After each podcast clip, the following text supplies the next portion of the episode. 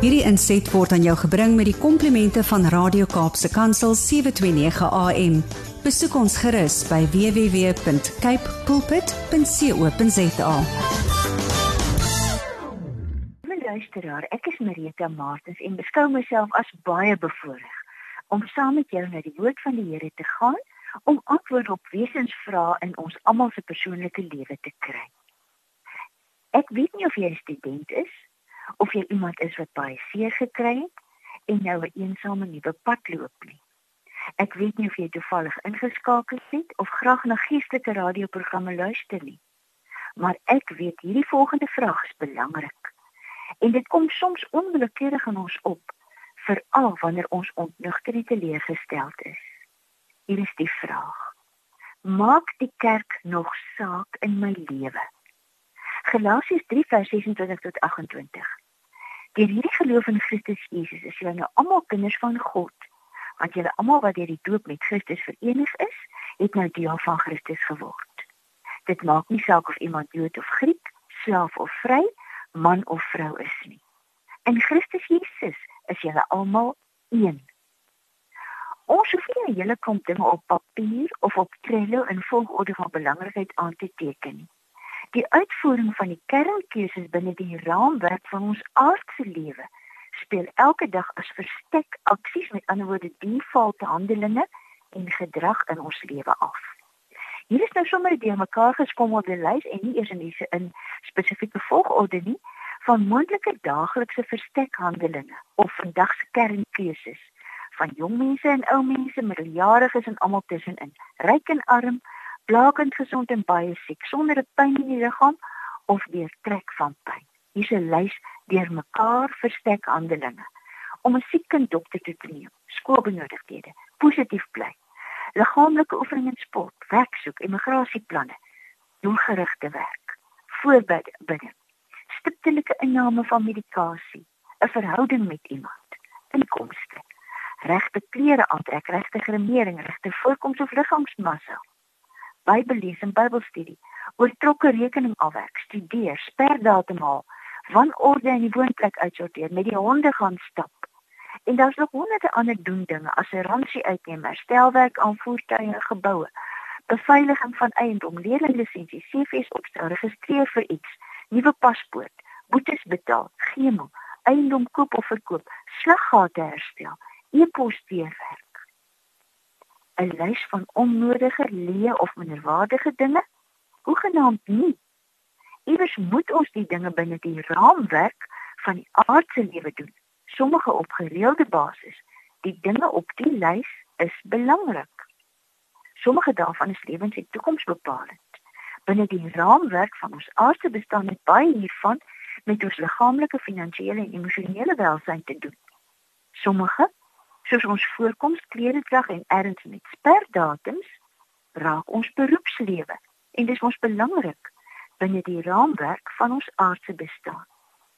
Sommige, soos die uitsorteer van klotter en chaos, raak ons effektiwiteit en produktiwiteit. Binne die raamwerk van ons aardse bestaan, raak enige verhouding met enige iemand anders onsself en ander mense.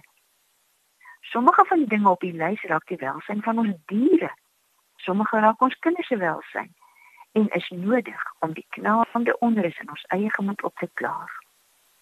Hoe sal 'n mens nou die raamwerk van ons noodsaaklike aardse doen dinge en praktyke voorstel? Daar kan ons so 'n klein karton vierkant knip. Ongeveer 2 by 2 cm in grootte dus 4 vierkante sentimeter. Alles hierbo pas gedurende sekere tye in ons lewe in die blokkie. Daar's baie mense wie se hele lewe net 'n 4 vierkante sentimeter blokkie is. Ons het 'n rukkie gelede begin vra of die Ou Testament nog belangrik is. En die antwoord het ons laat steier. Die Ou Testament is van die allergrootste belang in elkeen van ons se lewe. En die hoofrede is dat God homself daarin aan ons openbaar. Nou vir die volgende drie vrae. Is die kerk nog belangrik? In my en my gesin se lewe. Kerk beteken alle gemeentes, huiskerke, denominasies waarin Jesus Christus bely en gedien word as die enigste verlosser van sondaars, as seun van die lewende God, as verreëse heiland en as die een aan wie alle mag in hemel en op aarde gegee is. Kerk is die gemeente van die lewende God, die vergadering van verlosters met geestelike gawes, 'n doel, roeping en belydenis. Wat is die antwoord? Die antwoord is die kerk is van wesensbelang vir my en jou en ons gesinne, vir elke gelowige. God openbaar die redes aan ons net soos wat hy aan ons openbaar het waarom die Ou Testament van wesensbelang in ons lewe is. Tweede vraag. Is kerk wees nog belangrik vir my en my gesin? Kerk wees is saamleef. Behoort aan die kerk. Betrokke wees in die liggaam van Christus en onder hoofskap van Jesus, ons koning en verlosser verbonde bly aan die gemeenskap van gelowiges om as bruid van Christus saam geheilig te word vir sy koms. Om as kudde van die Here die herder saam met baie ander te volg, om saam nie net as enkeling nie sout en lig vir die wêreld te wees, om die God van die Bybel as geloofsgemeenskap te gehoorsaam en te verheerlik. Jy kry die prentjie. Die antwoord is kerk wees en kommitment tot saamleef in 'n spesifieke geloofsgemeenskap waar ek mense leer ken en hulle vir my is van wesensbelang vir my en jou en ons gesinne. Of jy nou 'n privaat mens of 'n introvert of extrovert is of arm of ryk, iemand met 'n treurige geskiedenis of 'n suksesvolle mens is van geen belang nie. Kommitment tot saamleef in 'n spesifieke geloofsgemeenskap is van wesensbelang vir elke gelowige. God openbaar aan ons wat in die ware kerk gebeur en moet gebeur, net soos wat hy aan ons openbaar waarom die Ou Testament van wesensbelang vir ons lewe is. Vraag 3. Waar pas kerk en kerkwees in die raamwerk van my lewe in? Hierdie vraag is foutief. Kerkwees is nie een van die items in die 4 vierkante sentimeter blokkie van die wedergebore mense aardse lewe nie. Kerk wees om lid van die liggaam van Christus te wees is die goddelike raamwerk bo oor die 4 vierkante sentimeter blokkie van ons persoonlike aardse lewe. En nie my man en ek het een oggend aan die begin van die jaar 'n groot lapservet geneem en oor so 'n klein blokkie geplaas. So is die goddelike raamwerk van die kerk die gesamentlike verenigde geloofsgemeenskap wat bo oor ons klein aardse raamwerkie span. As ons nie in die kerk is nie, as ons nie as toegewyde eenheid in geloof saam met ander funksioneer nie, lewe ons net in en met ons eie klein raamwerk. Die skrif sê aangaande die kerk en my en jou verbondenheid met God se ander kinders in die gemeente van die lewende God in Galasiërs 3 vers 26 tot 28. Die hierdie geloof in Jesus Christus is julle nou almal kinders van God. Want julle almal is deur die doop, dis die doop met die Heilige Gees, met Christus verenig en julle het nou deel van Christus geword. Dit maak nie saak of iemand Jood of Griek, slaaf of vry man of vrou is nie. In Jesus Christus is julle almal een. Efesiërs 4 van vers 3 af. Leer julle daarop om die eenheid wat die Gees tussen julle gesmee het te handhaaf deur in vrede met mekaar te lewe. Daar's net een liggaam en net een Gees. Soos daar net een hoop is waartoe God julle geroep het, daar's net een Here, een geloof, een doop, een God en Vader van ons almal. Hy wat oor almal is, deur almal werk en in almal woon. Aan elkeen van ons is 'n genadegawe gegee volgens die mate waarin Christus die gawes uitgedeel het. En dit is die gawes wat hy gegee het. Apostels, profete, evangeliste, herders en leraars.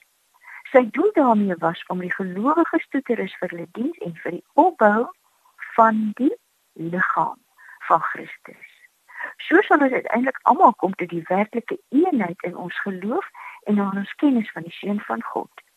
Dan sal ons sy kerk soos 'n volgroeide mens wees, so volmaak en volwasse soos Christus, dan sal ons nie meer kinders wees nie. Ons sal nie meer soos golwe op en af en heen en weer geslinger word deur elke wind van dwaal leer.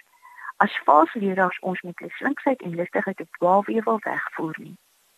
Nee, ons sal in liefde by die waarheid bly en so in alle opsigte groei na Christus toe. Hy is immers die hoof en uit hom groei die hele liggaam. Die verskillende liggaamsdele pas by mekaar en vorm saam 'n eenheid. Elkeen van hulle vervul sy funksie en so bou die liggaam homself op in liefde. Ons sluit af met die gebed.